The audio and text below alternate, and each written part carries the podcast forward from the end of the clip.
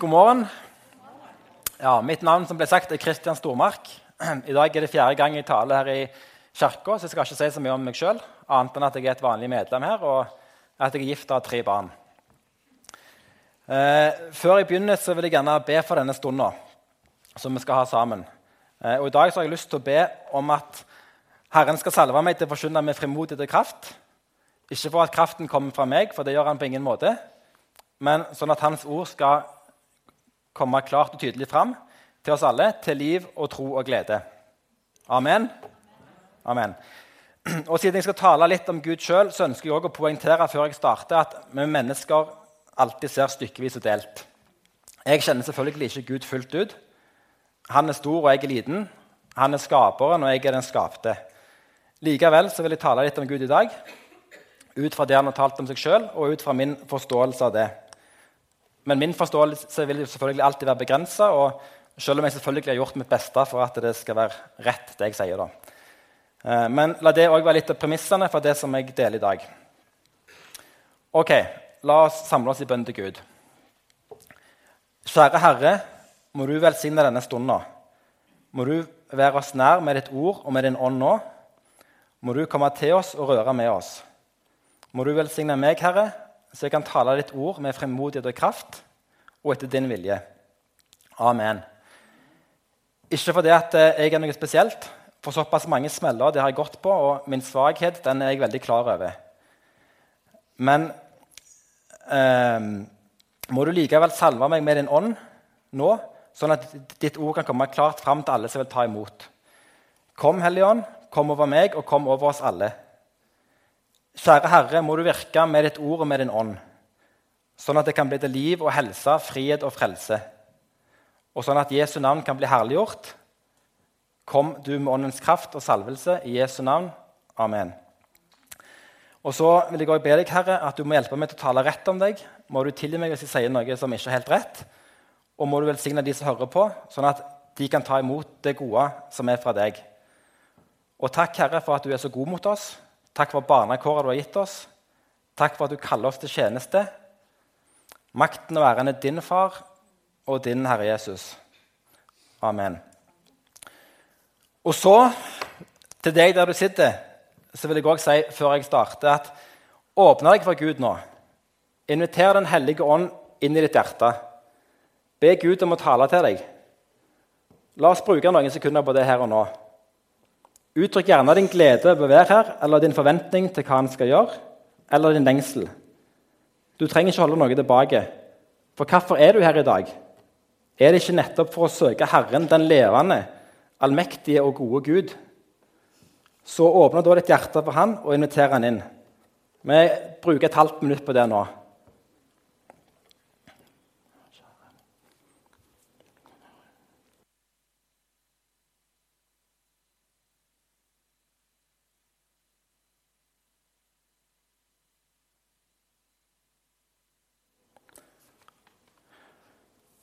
Amen. Da bør vi være klare til å starte.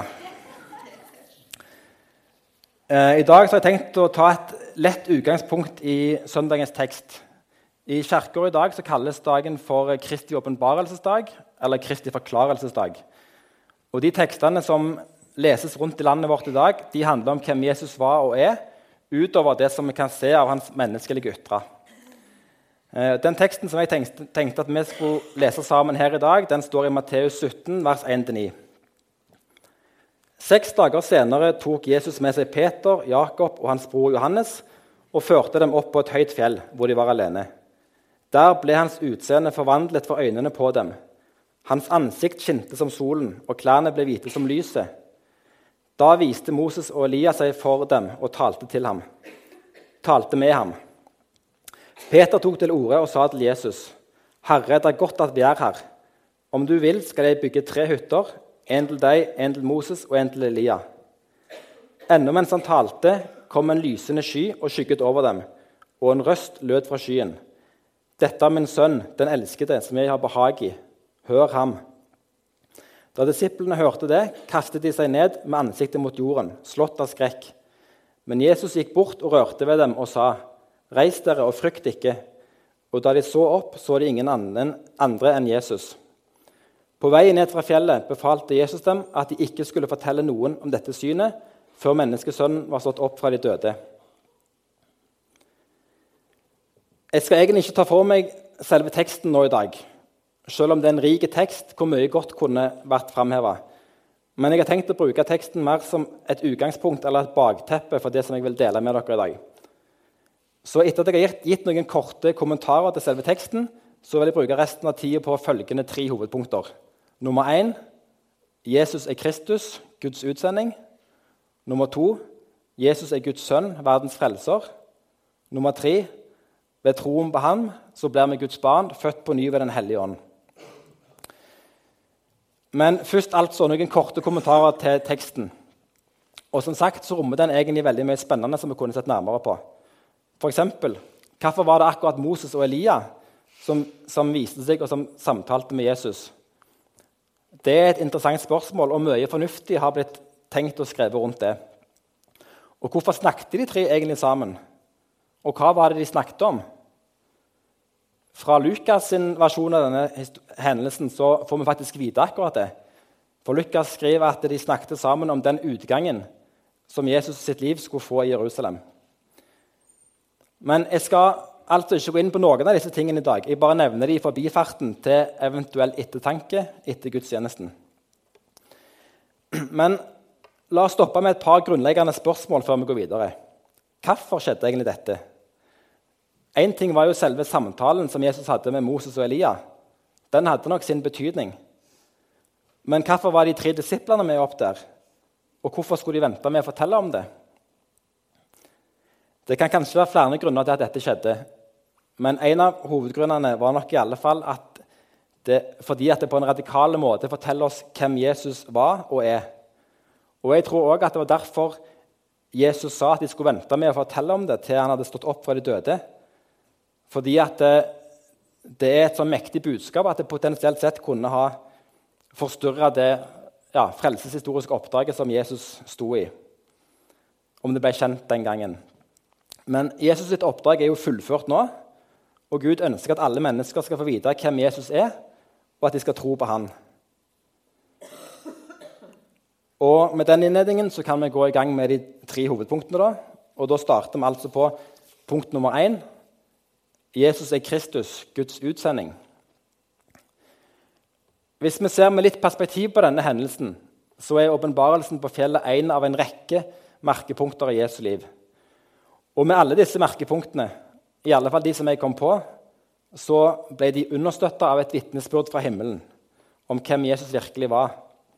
For å ta en kort oppramsing.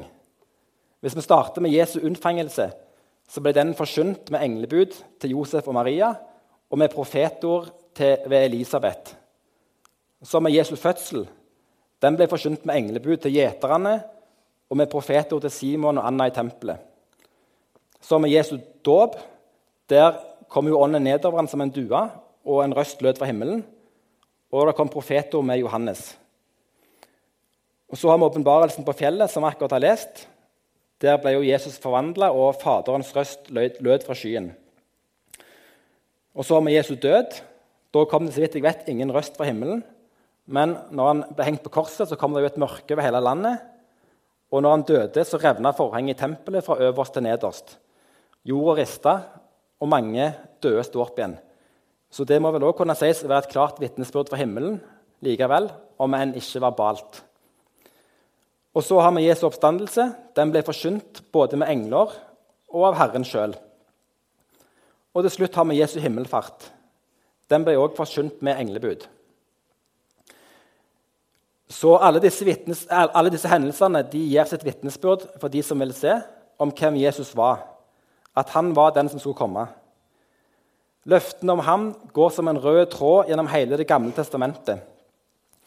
For så var det han Gud hadde gitt løfte om til Moses i 5. Mosebok 18, om at Gud en gang skulle sende en ny profet som han. Av ditt eget folk vil Herren din Gud la det framstå blant dere en profet. Ham skal dere høre på. Av deres landsmenn vil jeg la, vil jeg la det framstå en profet som deg iblant dem.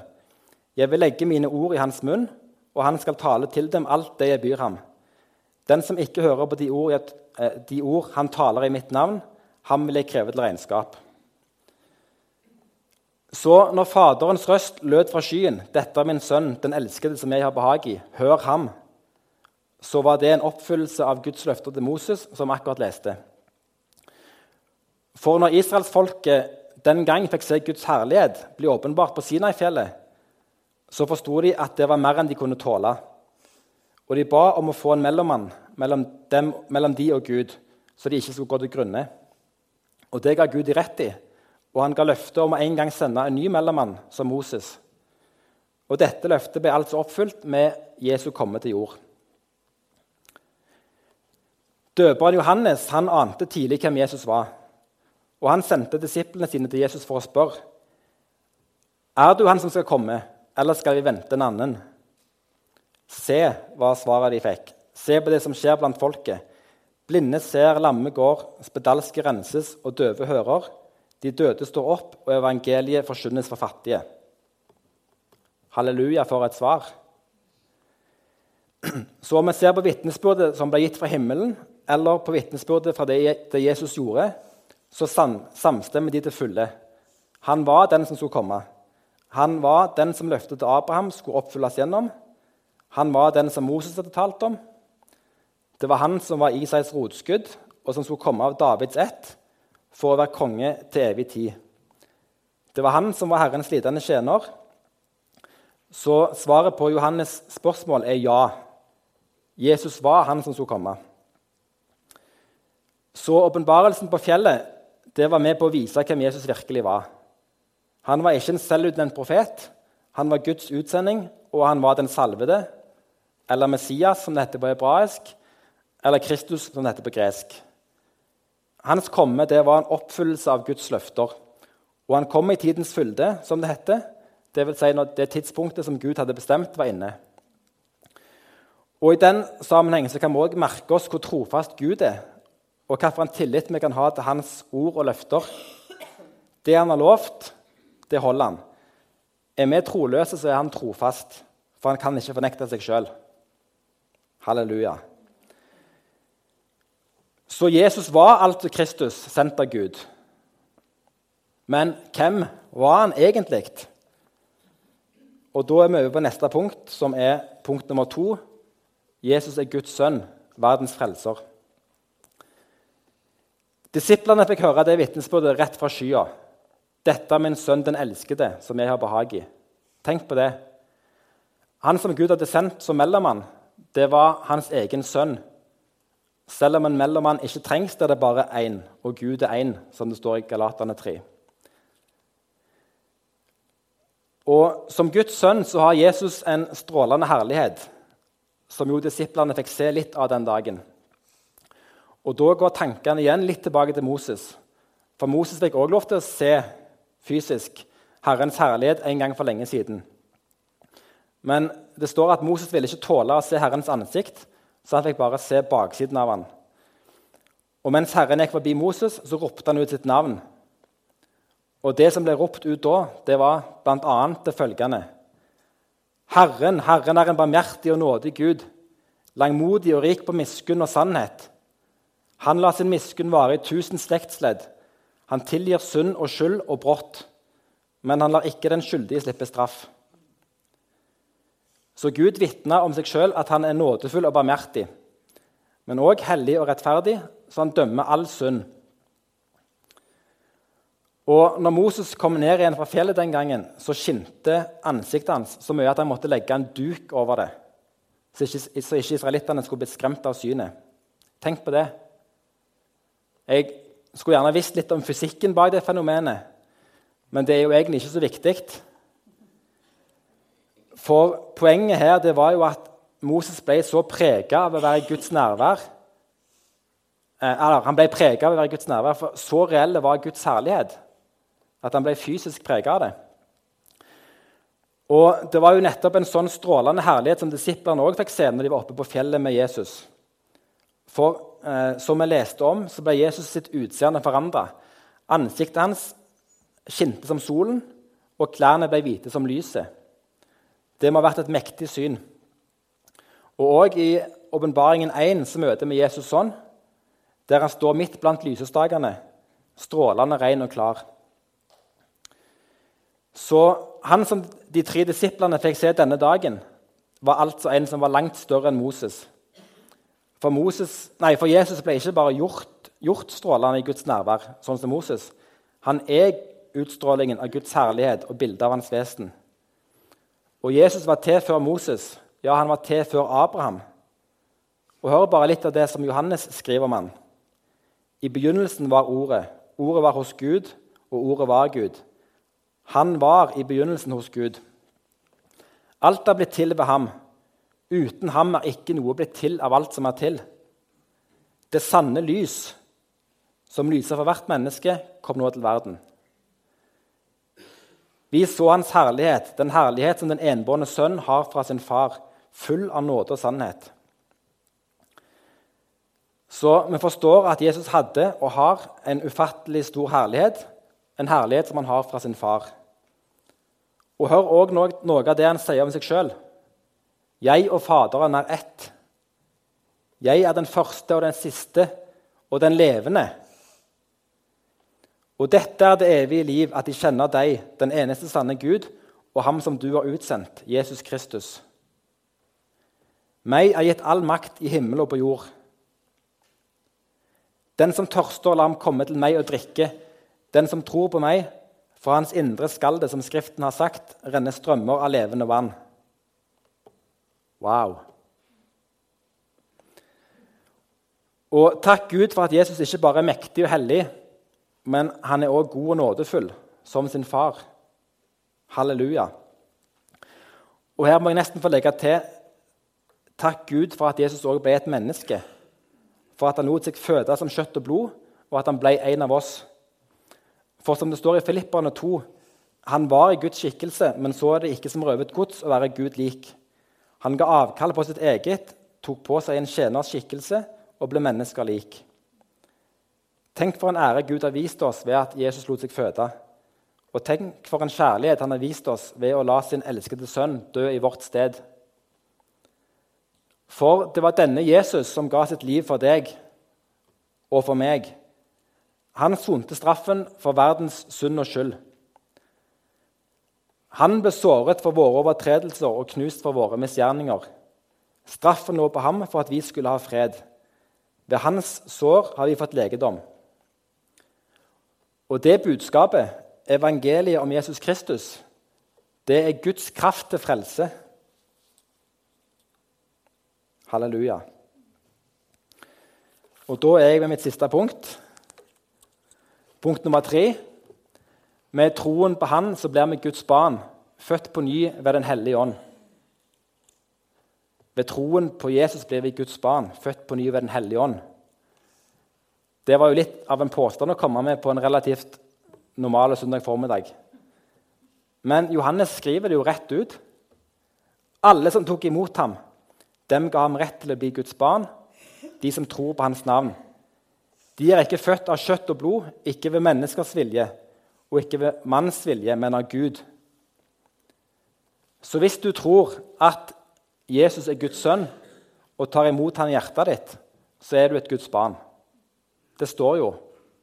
Halleluja. Og det er faktisk Guds kall til alle mennesker at vi skal tro på Han og Han som Gud har utsendt, Jesus Kristus. Og nå tenkte jeg faktisk at jeg skulle gi de som ønsker det, muligheten til å få bekjenne det høyt. Don't be alarmed. Eh, og De som ikke ønsker det, de kan bare seg, forholde seg i ro, for her er det full frihet og ingen fordømmelse. Men til deg som ønsker å bekjenne, så vil jeg spørre Tror du på dette, at Jesus er Guds sønn, at han døde for dine synder, og at han sto opp til et nytt liv for deg? Halleluja! Og Nå er jo det først og fremst et spørsmål mellom deg og Gud. Men det er godt å få bekjenne det høyt av og til. Så derfor spør jeg deg på ny sånn at den som vil, kan få bekjenne det nå i dag. Tror du på Jesus som din Herre og Frelser? Halleluja! Halleluja. Og det er ikke bare et show, altså. Halleluja, jeg mener det. Og så vil jeg bare si at Hvis du er her i dag som ikke kunne svare ja på det spørsmålet, men som skulle ønske at du kunne, så ta veldig gjerne kontakt med enten meg etterpå eller noen av forbederne etter møtet. Så kan vi prøve å hjelpe deg i Jesu navn. For det kallet går til alle. Ok, På samme måte som Jesus ble åpenbart på fjellet, så ønsker Gud å åpenbare han for oss, både enkeltvis og i fellesskap. Gud kaller oss nemlig, både som enkeltpersoner og som menighet, til å ha et nært fellesskap med Han og til å leve et liv i Den hellige ånds kraft.